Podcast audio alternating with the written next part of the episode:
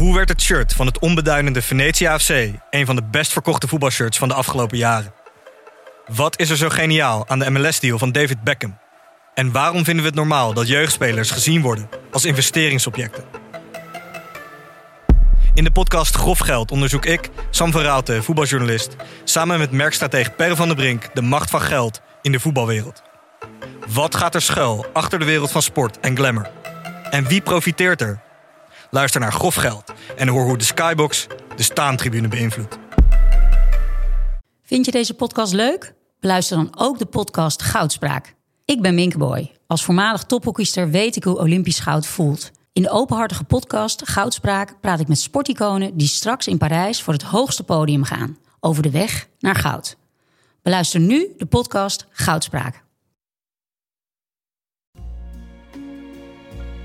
Ik denk dat de bedreiging voor, laat ik zeggen, de jongen, voor het vrouwelijk lichaam ook enorm is. Ik heb mijn hele oeuvre op eh, gebaseerd.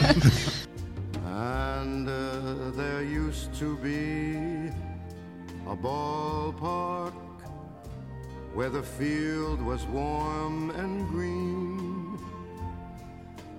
And uh, the people played their crazy game with a joy I'd never seen. And uh, Dit is eh, podcast was such a 45 van Hartgras. Rechts van mij zit Janneke van der Horst. Recht tegenover mij zit Herman Koch. Voor de eerste keer in deze podcast. En naast hem zit Frans Tomezen. Voor de, ik denk de 42ste keer van de 45 keer in deze podcast. Denk je niet?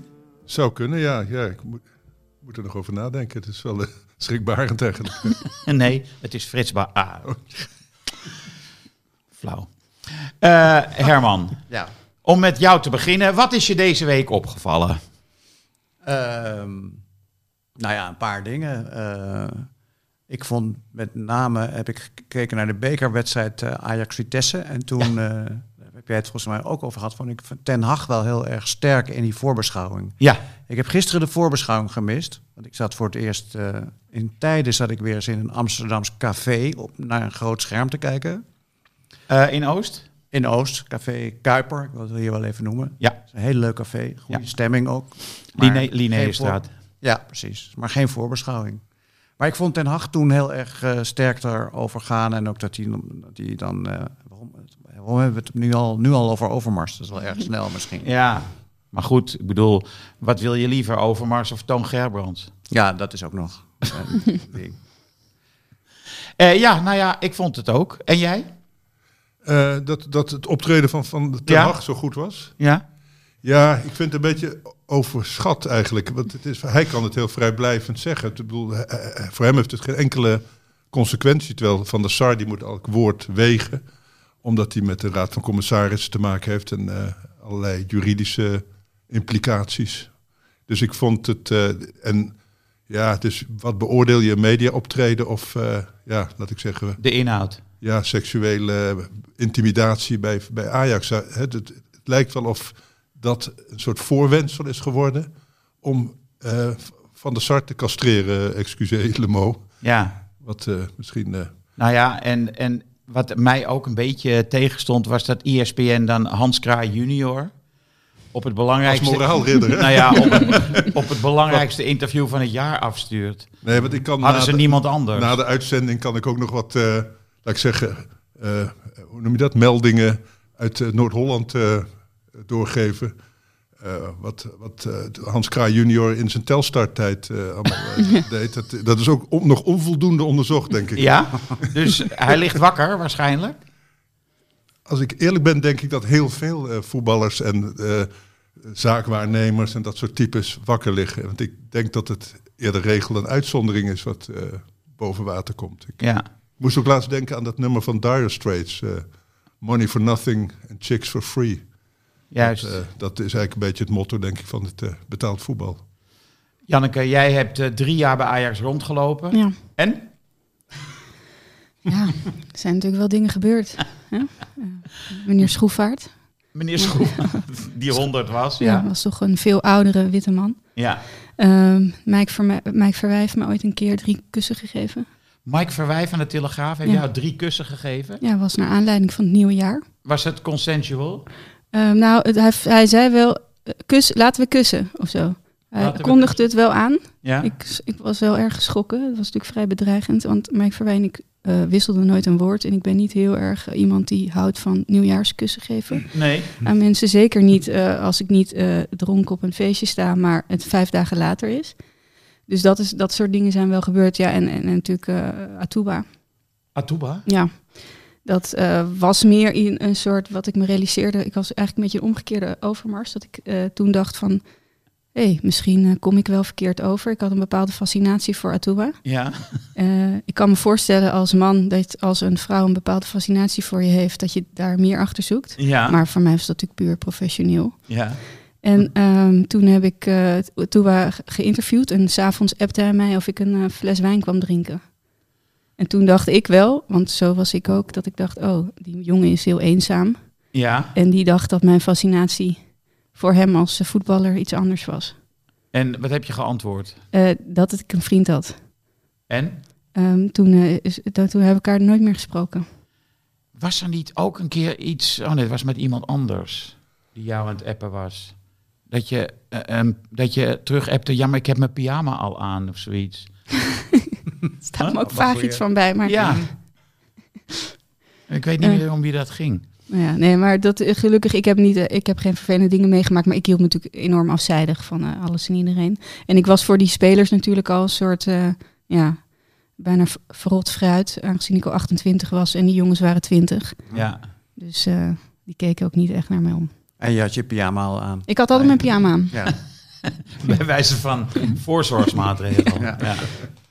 Eh, nou ja, ehm, we sluiten ons natuurlijk allemaal hartelijk aan bij eh, de woorden van Willem Vissers vanmorgen in de Volkskrant. Waar is toch de medemenselijkheid in het voetbal? Hè? Nou ja, en bij de supporters ook, toch? Ging dat over de supporter? Ik dacht een beetje van naar het publiek, de media, de Oh, ja. mensen. Ik vind toch wel dat eh, bijvoorbeeld, eh, je hebt dan zeg maar drie topjournalisten in het voetbal. Eh, Willem Vissers, Sjoerd Mossou en eh Paaltje Onkenhout. En de eerste die vond het zo zielig voor de kinderen van Overmars. De tweede was heel erg eh, geschokt door het feit dat de humor weg was. Die schreef in een column, waar blijft de humor in het voetbal? En Willem Vissers die... Was dat die journalist die een keer de porno open had staan? Nee, dat is onkenhoud. Maar eh, hoe heet het? Eh, en Willem Vissers die vraagt zich af waar de medemenselijkheid is gebleven. Ehm, ja, ik ben daar dus ook wel een beetje gebeten op, omdat in hetzelfde stukje schreef hij over het lollige programma van Spaan en Ja, dat Verdomd, ja, dat is waar. Ik heb, Ja. al met, ik heb echt met die columns niet om nou Willem Vissers. maar ik denk, jij, jij vroeg, hè, heb je dat ook gelezen? Zei vanochtend. Ja, En toen zei ik, ik heb het ook gelezen. En die laatste zin weet ik nog. Maar de inhoud ben ik eigenlijk alweer vergeten. Behalve dat ik weet dat het daarover ging. ja. Het ging er een beetje snel. over dat Mark Overmars... eh, Populair was. Ja, dat iedereen zich op Mark Overmars stortte. Dat was het. En hoe hij, hoe hij had in, God, hoe had hij in godsnaam eh, Juist. Dat zich was kunnen het. ontwikkelen Ja, in zo'n... Dat, eh, dat was wel een sterk punt natuurlijk. In de hele affaire, vond ik. Om dat, om dat aan te kaarten. Eh, dat hij eh, van meet af aan, van jongs af Ja. aan, ja. Maar hij noemt dat dan een lollig programma. Ja, Terwijl, hij had ook kunnen zeggen, in het onderdeel een fax voor, van, voor Max, Ja. lieten Spaan en Vermegen al in een heel vroeg stadium de idolatrie zien waaraan voetballers, topsporters, eh, misschien zelfs wel te lijden hebben gehad. Ja. Hè? ja. Of hij had kunnen zeggen het satirische programma. Maar Nee. hij, hij noemt het... Lollig het, is lullig. Het, lo- ja, lollig is lullig. Ja. Ik heb het ook zo opgevat als lullig. Ja, ja. Dat Dus is, je hebt, heb je die Volkskrant weer? ja. Nou, ik hoop dat hij Loes Rijmer op zijn dak krijgt. Maar ik denk dat heel veel mannen toch, eh, eh, omdat het Overmars is, dat ze hem toch ergens een beetje sneu vinden. Want dat had ik zelf ook altijd wel. Ik me altijd een beetje sneu figuur. Ook als hij dan op tv kwam en hij moest iets zeggen. Dat je er altijd dacht, een soort buikpijn zat te kijken hoe ongemakkelijk hij was. Dus iedereen heeft, er zit altijd een soort van basismedelijden in figuur Overmars. Ja, is dat nou zo? Ik heb, ik heb toch het idee, als ik hem ook van vroeger herinner... en bij Barca Ajax en bij Barcelona en zo... dat je denkt, hij wa- hij was een beetje klein... maar het was toch ook geen onknappe jongen? Toch? Hij is toch juist wel aantrekkelijk voor, voor Ja, vrouwen? dat denk je omdat er zoveel vrouwen op hem vielen. Maar was hij nou knap? Dat weet ik eigenlijk niet meer. Het is nu weer moeilijk voor te stellen. Nou, hij was in ieder geval anders, hè? want er, er ging toen in het begin ook wel een hardnekkige roddel dat hij homoseksueel zou zijn. Dat hij met Gordon. Ja, dat heeft. Gordon de wereld ingebracht. Ja. Nou, maar nou vind ik het sturen van dickpics wel een hele drastische methode om van dat imago af te komen. Ja, misschien heeft Gordon er ook wel een gekregen. Het moet niet veel gekker meer worden, wil ik eigenlijk zeggen. Willen wij zeggen. Ja. In het voetbal. Nee. Maar ja, eh, iemand, ik geloof dat Hugo dat zei. Of nee, vanmorgen op de, in de auto op weg hierheen. Toen zei iemand van de VPRO van dat ze naast Van der Sar misschien gewoon een echte manager moeten neerzetten. En er zi- zit wel iets in. Mhm. Hij voor het voetbal en een ander voor het management. Ja, want weet je wat ik zo gek vind bij Van der Sar? Maar er zitten ook wel eens gasten hier die Van der Sar afbranden. Hè, Enerzijds wordt hij gezien als de, een van de architecten van het Ajax van nu, dus een, Europese topclub. En anderzijds is het een, de ongelofelijke sukkel waar het belachelijk van is dat hij überhaupt is eh, aangesteld. En daar zit een soort eh, verschil in wat ik niet kan eh, overbruggen eigenlijk. Van of hij is een ontzettende klungel, maar dan had hij toch Ajax helemaal toch naar de galamiezen geholpen. Ja, Dus, en het, en het, er zit een soort patroon in. Je zag het ook bij Ten Hag, die werd afgekraakt omdat hij Twents eh, sprak, wat hij inderdaad eh, nogal nadrukkelijk. eh, In een of ander lollig programma, geloof ja. ik. Nee, maar de, dus je, je media optreden is eigenlijk maatgevend voor je kwaliteit. Terwijl ik ken eigenlijk bijna helemaal geen voetballers die goed uit hun, uit hun woorden komen. Dat is ook, ik nooit ook een pre. Ik, ik kon altijd redelijk uit mijn woorden komen. Op het veld zag je dat niet echt terug. Ja nee, dat klopt. Eh het, eh Cruijff die zei, je moet, er moeten ex-voetballers in de top. Ik had toevallig een stukje vandaag daarover. Ehm Bayern München was het grote voorbeeld. Maar al snel werd Beckenbauer verdacht van corruptie in de overkoepelende bonden. Kopen en verkopen van WK's. En Uli Heuners die verdween, Die de, nog gezeten. verdween de bak in wegens eh, fraude en eh, belastingontduiking. En eh, nu zie je hier dat... Ja, god, je kan Van der Sar ook niet echt heel veel kwalijk nemen. Want nu valt iedereen erover dat hij er dus van wist. Maar hij wist er niet genoeg van om een hele aandeelhoudersvergadering uit te stellen. Want het wordt hem dus nu kwalijk genomen dat die aandeelhoudersvergadering door is gegaan. Waarin Overmars zijn contract werd verlengd Ja. met anderhalf miljoen toe. Maar ja, stel je voor wat er gebeurd was als Ajax opeens had gezegd... nee, de aandeelhoudersvergadering gaat niet door. Wegens onvoorziene omstandigheden. Dat kan bijna niet.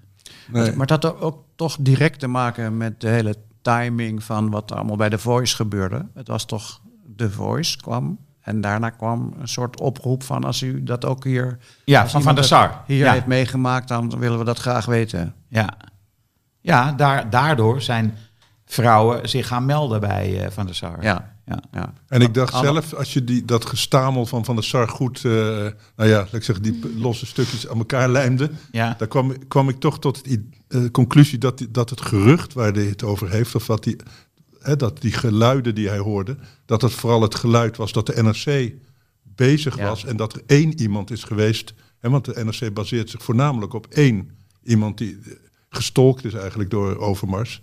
En, die, en, en de rest zijn wat eh, als ja, ondersteunende, eh, vage dingen. Hè, die elf vrouwen, er is er één waar het heel duidelijk van is, die is eh, de klos geweest bij Overmars.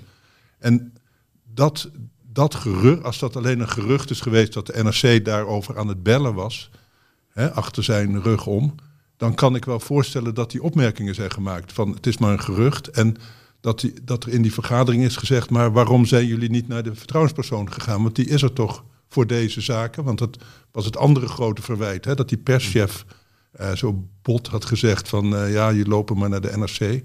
Maar als je dat intern zegt, vind ik dat ook nog wel logisch. Dat je zegt, maar waarom zijn jullie niet eerst bij ons gekomen? Want wij willen het heus wel eh, oppakken. Ja, en dat waren van hem parafrases. Hè? De NRC heeft, het, heeft geen quotes uit zijn mond opgeschreven. Maar heeft wat hij heeft gezegd geparafraseerd. Wel, Van mensen die er wel bij waren. Hè? Ja, dus het is, het is eigenlijk onduidelijk wat hij precies heeft. Kijk, Janneke en ik kennen, kennen Miel Brinkhuis wel. Dat is toch voor hem atypisch om zoiets te zeggen. Ik, vond, het heel, ik vond het heel opmerkelijk. Hij leek me in ieder geval iets verstandiger dan dat hij zoiets...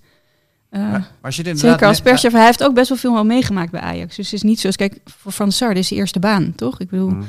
eh, het- van- eh, Miel Brinkhuis weet inmiddels wel met een crisis om te gaan, lijkt me. Ja, dit was ongelukkig. Nou ja, in, in die zin eh, ongelukkig dat het, wat jij zegt, geparafraseerd is. Want volgens mij heeft hij niks anders gezegd dan dat hij het jammer vond dat de, de cultuur bij Ajax blijkbaar zo zit. Dat mensen naar buiten de club Ja. eh, moeten gaan. Ja. En daarnaast heeft hij dan nog iets anders ongelukkig gezegd. Hè, dat, eh, eh, wat was het ook alweer? Dat, dat hij... Ehm, Dat hij, het fijn, dat hij het wel prettig vond dat er ook vrouwen waren geweest die dat niet hadden gedaan. Ja, waarmee hij natuurlijk gemeld. ook weer dat- bedoelde van, eh, dat het prettig is dat niet, ieder, niet alle vrouwen eh, door Overmars Zijn benaderd. zijn benaderd. om het maar zo te zeggen. Ja. Ja. En wat ik ook wel mooi vond, was het verweer van Feyenoord. Want er werd gezegd van, eh, komt dat bij jullie voor? Nou, kon niet, want ze hadden maar vier vrouwen in dienst. Dat is ook een, ook een goeie. Ook, ook geparafraseerd waarschijnlijk. Ja. Want dat toen moet je, het was eh, raar genoeg, heeft Ajax de meeste vrouwen in dienst, kennelijk dus, van alle topclubs. Nou ja, wat, eh, wat was het? 20 procent, hè? of zoiets. Ja. Veel. ja. Maar je, dat klopt ook wel. Ik, eh, ik sprak iemand die, eh, een man die bij Ajax werkt. En eh, wat hem eigenlijk ook wel stak, was dat eh, Overmars... Ja, iedereen weet wel wie de favorieten eh, van Overmars zijn, zei hij. Eh, en, Vrouwen. Ja, vrouwen. En met die, met die vrouwen ging hij ook over voetballen praten. En dat stak die vent, want hij zei van... Ja, en met ons praat hij niet over voetbal, hoor. Dat doet hij niet. En die zat dus in een technische functie, zit in een technische functie, hè? Ja. die man. De Overmars eh, helemaal loskomt bij vrouwen om over de tactiek te gaan babbelen. En over eh, de, de veelbelovende jeugdspelers en scouts en eh, wie ze nu, op- nu weer op het oog hebben. Maar dat, eh, met die mannen is het mondje dicht. En die man krijgt waarschijnlijk ook hele andere foto's. Dat denk ik ook. Maar eh, ze waren wel goed, vond ik, Ajax.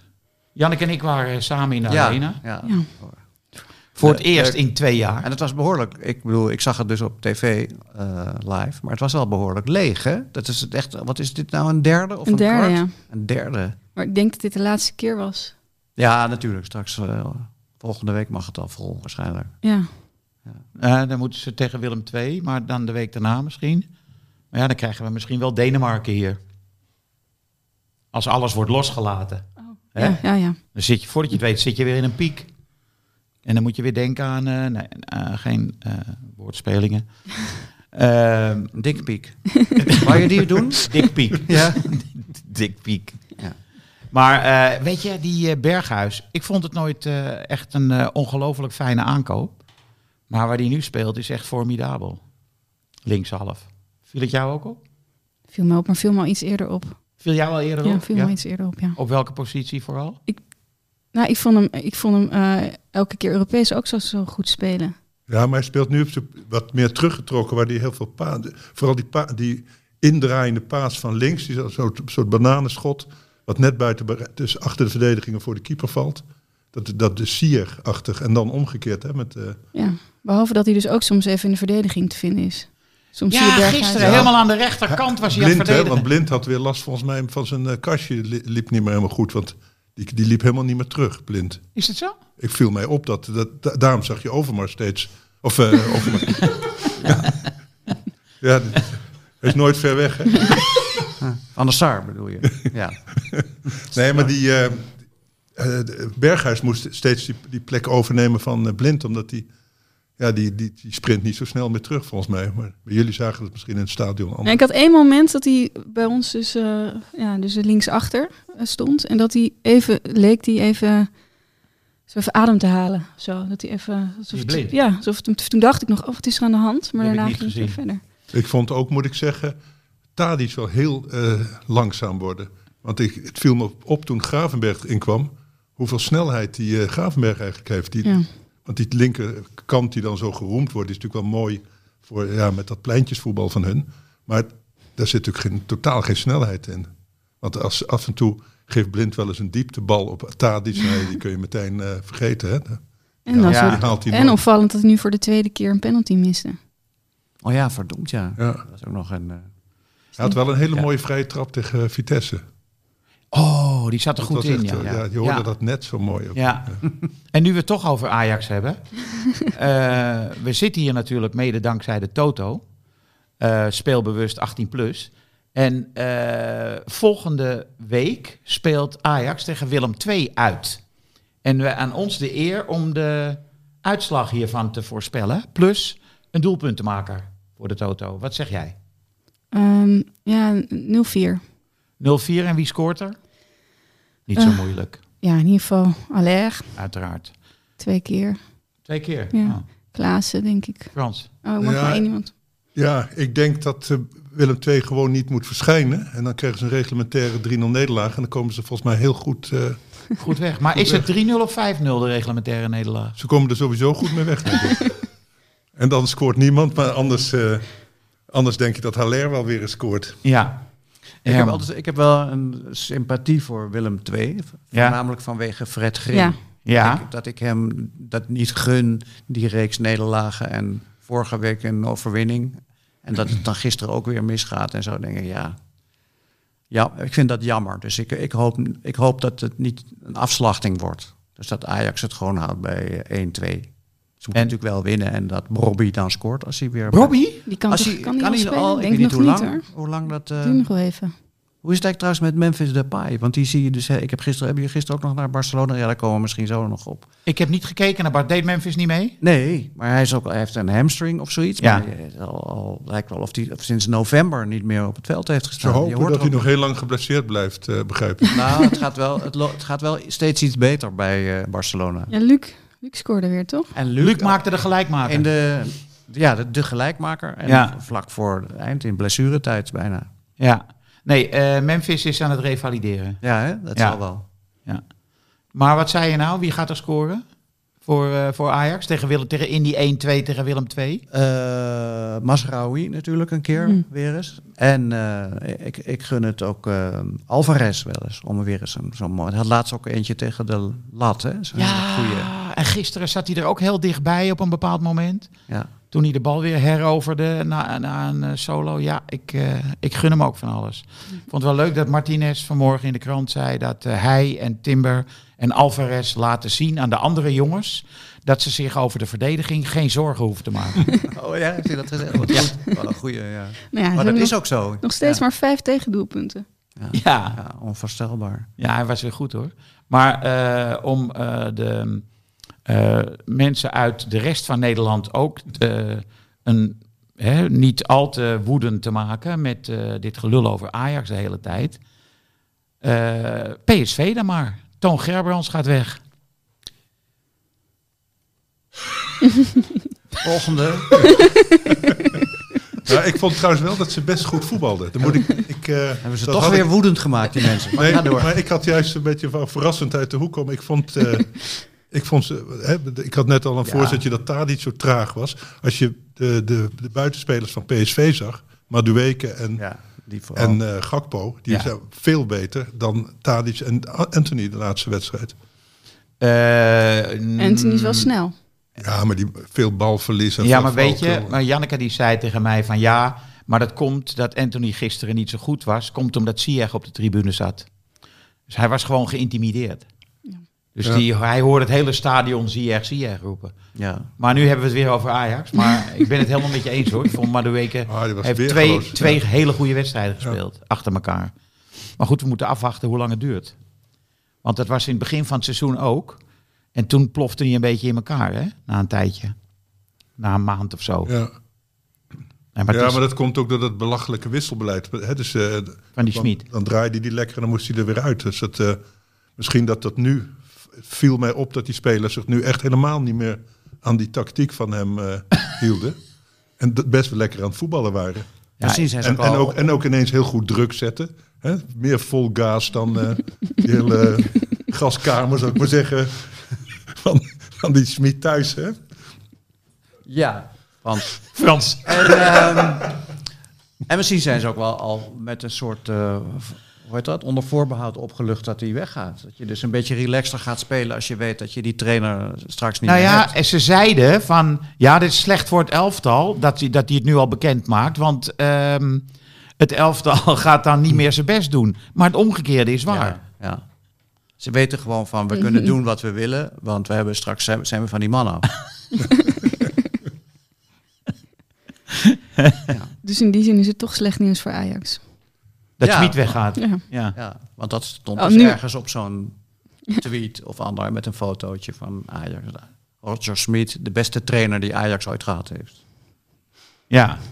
Nee, maar ik denk eh, voor het Nederlands voetbal is het natuurlijk wel beter dat Feyenoord en eh, PSV ook goed voetballen. Tuurlijk. Want je wordt natuurlijk beter van goede, goede concurrentie. Maar dan moet Ajax niet Arnezen weghalen bij eh, Feyenoord, hè?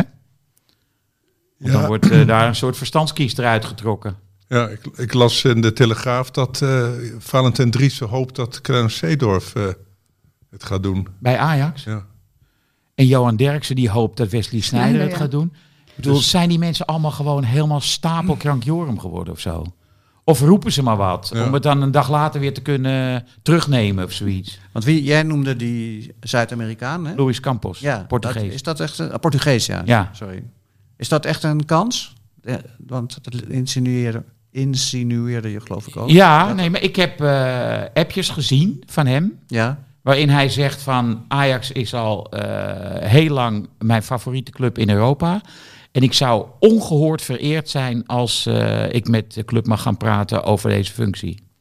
Nou, en dat is, echt, dat is echt de beste scout die er is in Europa. Hè? Hij, hij heeft Lille kampioen gemaakt. Ja. En hij heeft Monaco kampioen gemaakt. Bij Monaco ook wel geholpen door het geld van die eh, Russische miljardair die daar eh, de, de baas was. ja. Maar eh, zijn grote eh, kwaliteit is dat hij spelers heel goedkoop aantrekt. Bijvoorbeeld Mbappé, ik noem maar wat. Mhm. Nul gulden Ja. bij- bij Monaco. Dat Ja. doe je tegenwoordig niet meer. Nee, dat Nee. doet niemand er meer na, denk ik.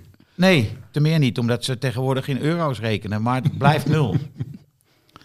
En eh, bij Lille heeft hij, nou ja goed, eh Leao die gisteren weer de winnende maakte, bij Milan eergisteren. eh verkocht voor 30, 35 miljoen, gekocht voor niks, transfervrij. Ja. Hij heeft Josef Fonte en eh Burak Yilmaz bij Lille aangetrokken. Twee hele belangrijke spelers. In dat kampioenschap, Botman gekocht voor 8 miljoen, die gaat weg voor 40. Ja, weet je, eh, Die Osimhen, of weet die? zeker verkocht voor 80.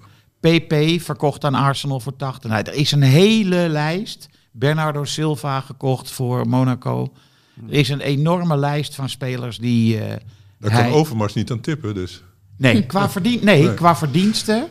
Als je kijkt naar de opbrengsten van transfers van deze campus, die liggen oneindig veel hoger dan die van Overmars. Ja. Dus, En dus Ajax gaat er op vooruit met hele toestand. nou ja, kijk, weet je, eh, je ziet bij Ajax dat er paniek heerst. En dan gaan ze niet naar buiten kijken en dan gaan ze natuurlijk naar binnen kijken.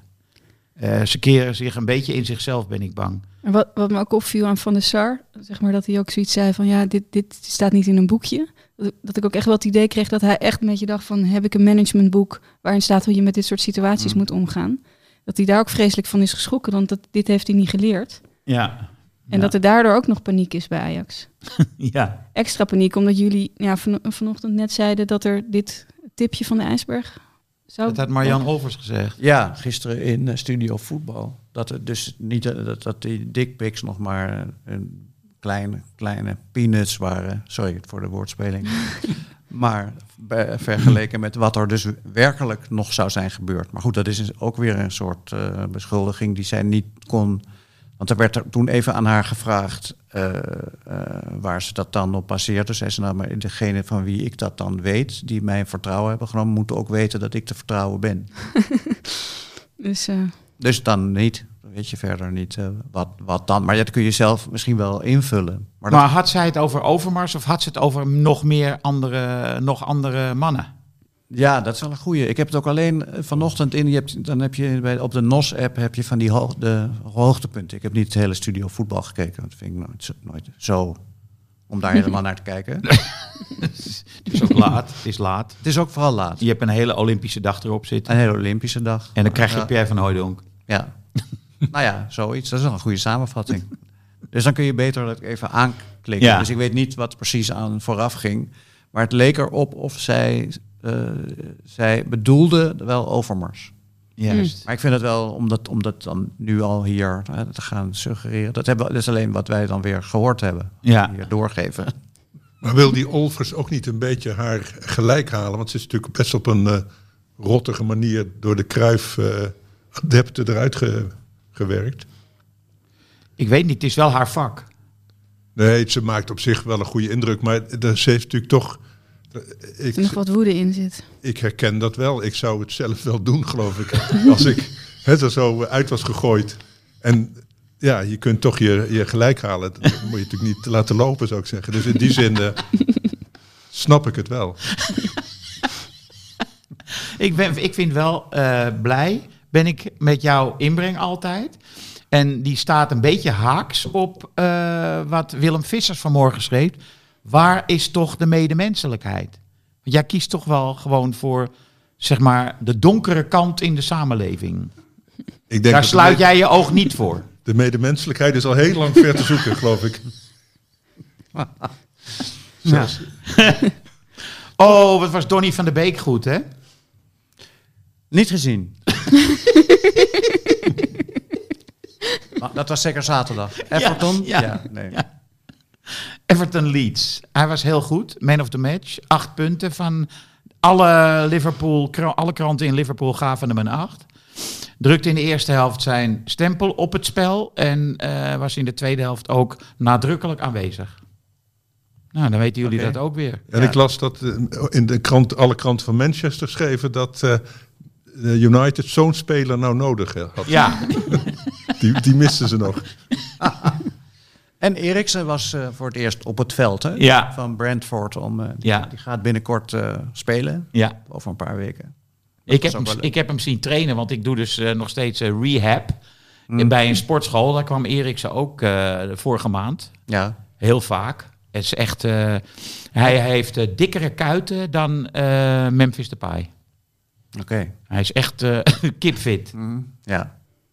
Maar eh, ja, dat was het eigenlijk. Hij, Ik- tra- hij trainde toch mee met jong Ajax? Daar Ja. was hij ook, toch hier ja, maar, maar die trainen maar anderhalf uur per dag. Hè? Oh ja, En de rest van die dag staat Eriksen in de sportschool. sportschool. De jongens van Jong Ajax niet, denk ik. Ik vond het wel leuk dat ik las ergens dat die jongens met open mond zaten te kijken naar hoe hij voetbalde. Dus dat hadden ze nog nooit gezien kennelijk.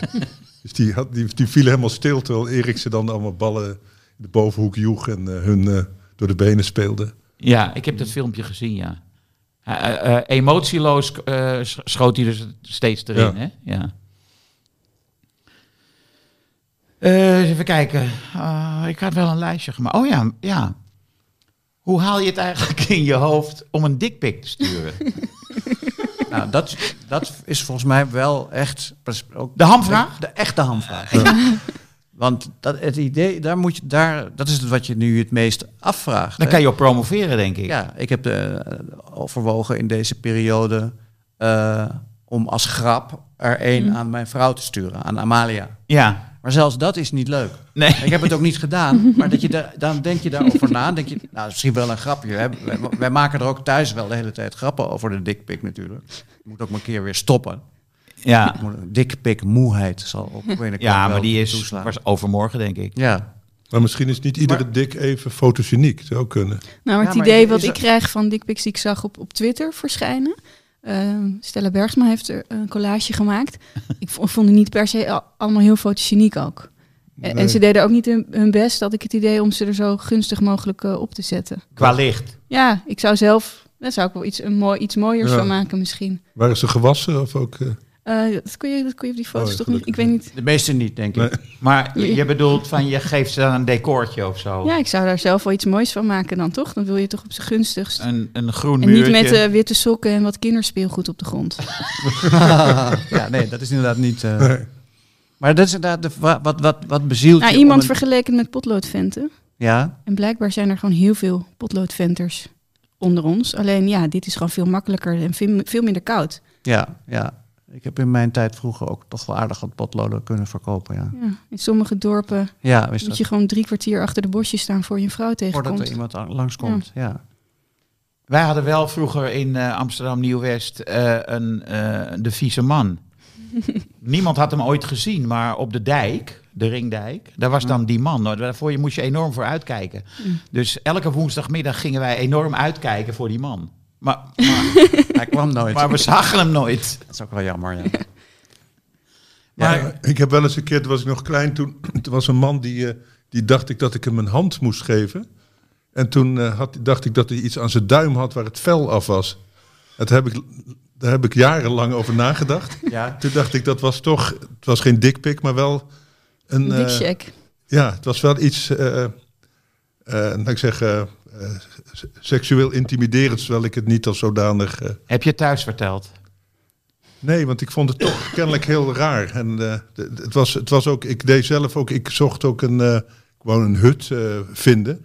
Was ik in een boomgaard gegaan, ik woonde in landelijk. Ja. En eh, toen was ik zo'n zo'n zo'n hu- huisje ingegaan en daar zat die man. Dus ik voelde mezelf betrapt.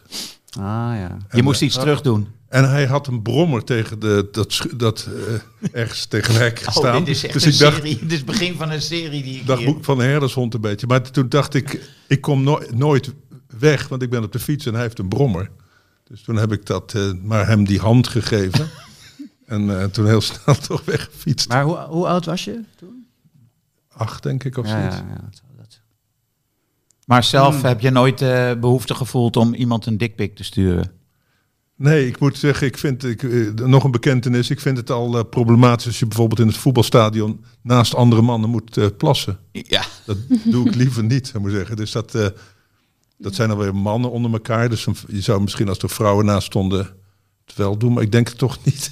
Nee, ik, ook, gezegd. ik heb ook, ook liever niet. Nee. Nee. Vooral Nee. niet als er zo- zo'n hele rij staat en allemaal gedrang is. En dan heb je soms ook, eh, zeker in een stadion, dat er dan al drie mannen zich achter jou op gaan stellen. Ja. Dan lukt het helemaal niet meer. Nee, en die hebben dan hun rits al los. Ja, eigenlijk wel. En die zwaffelen al een beetje. Ja. Maar is er überhaupt, vraag ik aan jou, Janneke, als Ja. vrouw, is, is er iets, zou er iets aan kunnen zijn om een dikpik te ontvangen? Stel dat die vriendschappelijk is. Dus dat Vriendschappelijke je, dus niet ongewenst, maar dat je denkt... Nou ja, dit dat gebeurt heel veel. Kijk, ik ben zelf natuurlijk net als jullie eh, nog eh, al- heel lang bij iemand. Dus dat, ja, de lol daarvan is denk ik af. Maar ik weet van vriendinnen die vrijgezel zijn dat dat wel gebeurt, ja. Ja, Dat je dus ook eh app-seks hebt. ja. Dus ehm, Dus toch, toch wel, daar zit toch een kant aan die, die misschien nog wel aan leuk is. er zijn vrouwen, er zijn zeker vrouwen die dat leuk Die het vinden. wel ja. leuk vinden. Ja. want dat vroeg ik me dus af, want is überhaupt de, de, de dik van de, van de foto, in hoe fotogeniek is, is een, is een eh, overeind staande piemel? Hoe, wat, wat moet je daarmee, bedoel ik eigenlijk? Ja, nou ja, dus het is een beetje voor, voor, voor als je op afstand bent. Ja, Dat ja. je toch een beetje bij elkaar bent. Oké. Dat is het idee, denk ik. Ja, dan ga ik het toch eens eh Ja, ik zou toch, Ja. ik denk, Goed en dan wil ik wel heel graag weten hoe Emalia reageert. Oké. ik denk dat belichting heel veel kan helpen. ja. En denk aan die sokken. Ja. Ik Misschien kun je het hier even op de wc al doen. Dus ik, ik kom wat later, maar hier, heb ik, hier ben ik ook alvast een beetje. Voor de kijkers op YouTube. Hier Er valt natuurlijk zo'n enorme schaduw over deze tafel. Hengelschaduw heet dat. Maar weet je, wat mij ook eh, echt wel verbaast, is dat Overmars is natuurlijk verlegen. Dat is een verlegen iemand. Ja, hè? Ja. Wel niet een gro- grote prater. En Nee, een- eh, eh, ja, als ik hem wel eens op de toekomst zag, dan geeft hij even een klap op je schouder en loopt dan door.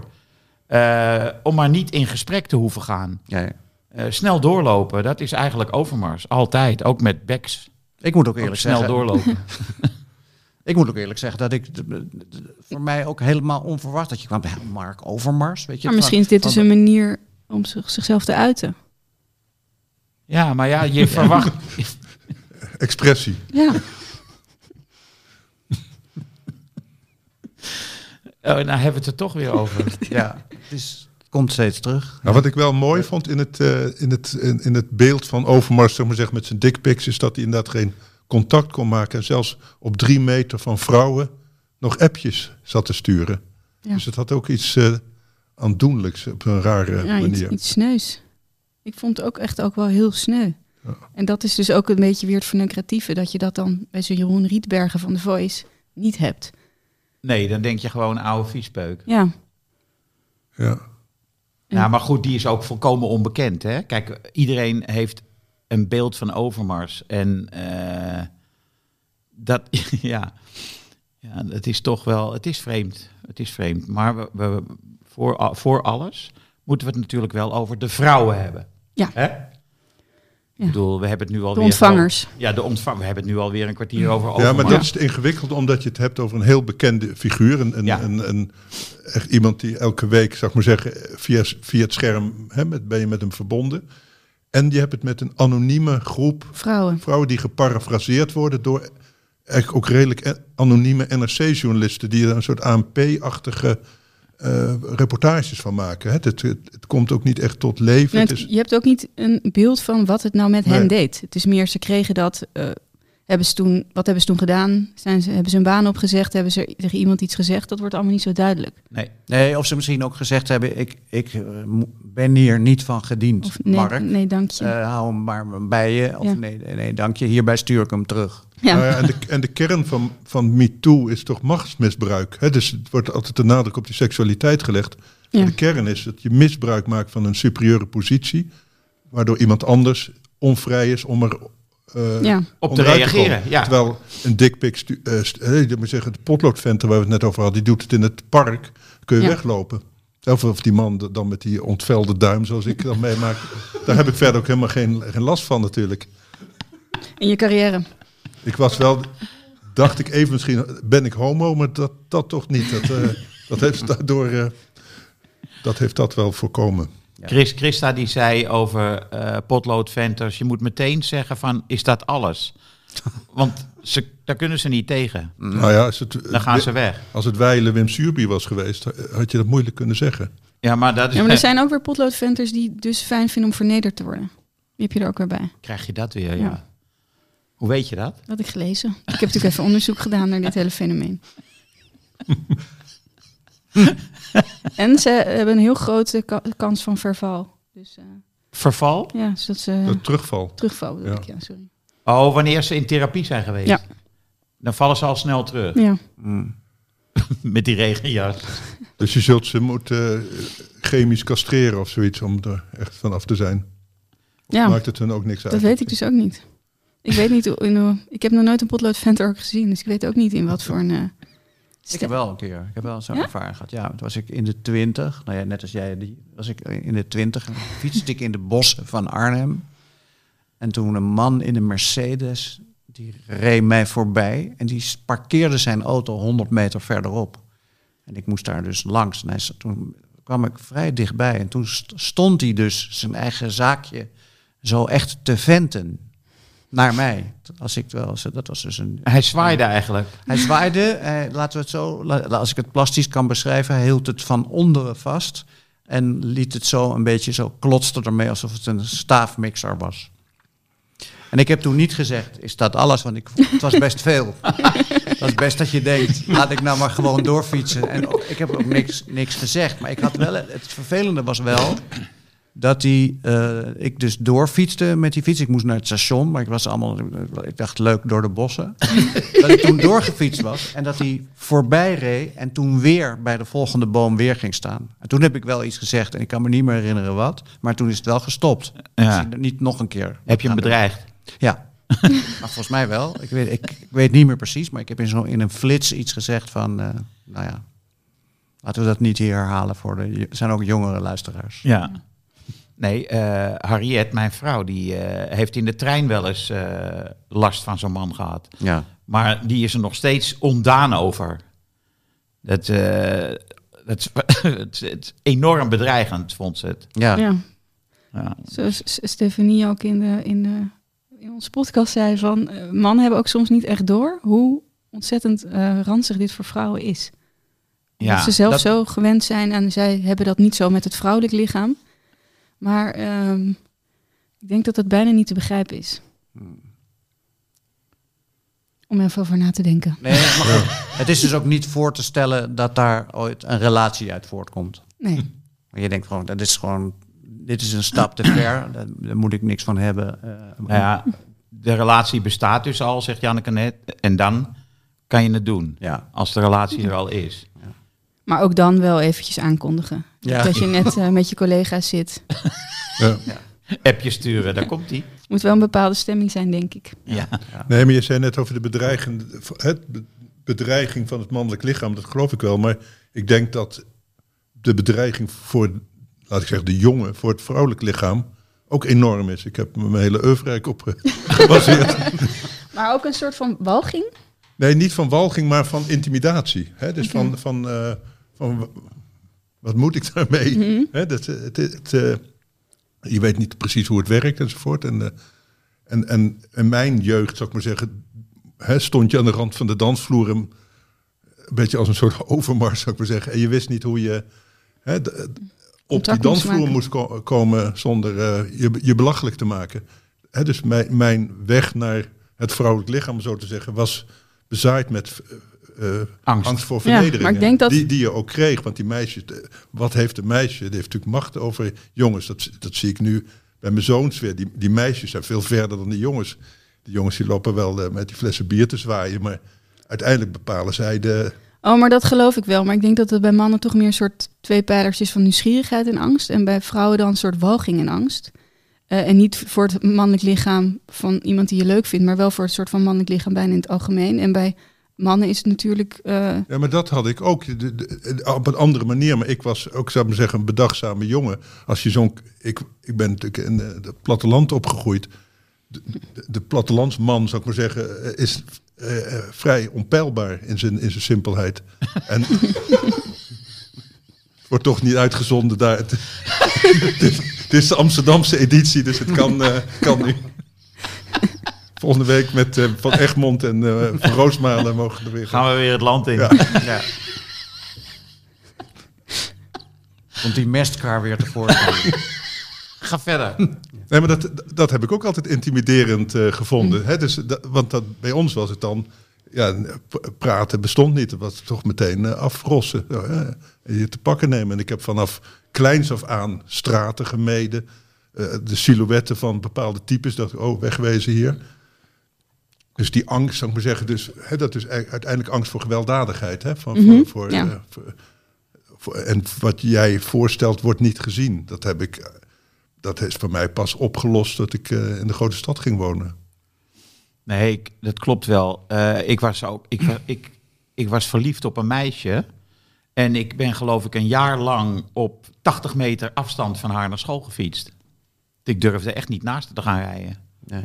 Dat is die angst voor vernedering. Of dat ze zegt van, rot eens even een eind op. Ja, en dan doordenkend, en denk aan Christa, die psychoanalyse, zou ik maar zeggen. Dan, ik denk dat bij veel van die plattelandsjongens, zoals Overmars, dan omslaat in iets anders. Hè. Dat ik zeggen, agressie is bijna altijd overwonnen angst. Hè, dus daar moet je voor oppassen. eh, Typen zoals ik ook, en, en Henk en zo, die verlegen jongens. Kijk, je moet oppassen dat als het omdraait, dat je die denkt, nou, hè, Je kan alles maken. kan alles maken. En dat denk ik dat bij veel van die voetbaltypes gebeurt. Het zijn allemaal vrij simpele, ongearticuleerde types eh, over het algemeen die één ding goed kunnen voetballen. Die worden daar enorm, krijgen ze enorm aanzien eh, van. Ja, en En heel veel geld. En ineens denken ze, oh, het kan dus wel. Hè? Dus Niemand zegt er wat van, ik word er zelfs om bewonderd. Dus als jij nooit, Henk en ik worden natuurlijk uitgelachen of, eh, hè, of eh, uitgescholden of weet ik wat. Maar dat, dat maken zij nooit mee. Want niemand scheldt eh, Overmars uit. Bij oogstens de, de PSV'ers of weet ik wat, of Feyenoorders. Maar hij wordt altijd toegejuicht door hele stadions, hè, zijn hele leven. Dus hij is dat helemaal niet gewend. Dus, en dan, als je dan toch die oude angst hebt om vernederd te worden... en dan overwin je die en hij stuurt zo'n dikpik... en hij wordt niet uitgelachen, dan denkt hij... hé, hey, ik doe er nog één en nog één. Dus het is misschien... hè, eh, Je bedoelt eigenlijk, wij zouden na de eerste dikpik ophouden. Nee, het is, nee, wij, nee ik, ik zou die dikpik als, als eh, metafoor voor je, je, je opdringen aan een, aan een vrouw, omdat je denkt dat het kan. Je, dan durf je alles. Als je eenmaal die status hebt bereikt als eh, gevierde profvoetballer of gevierde eh, tv-ster of gevierde bandleider, dan durf je alles. Ja, ik denk dat dat het. Want het, het komt echt heel veel voor natuurlijk. En, en niet altijd heet het verkrachting of weet ik wat.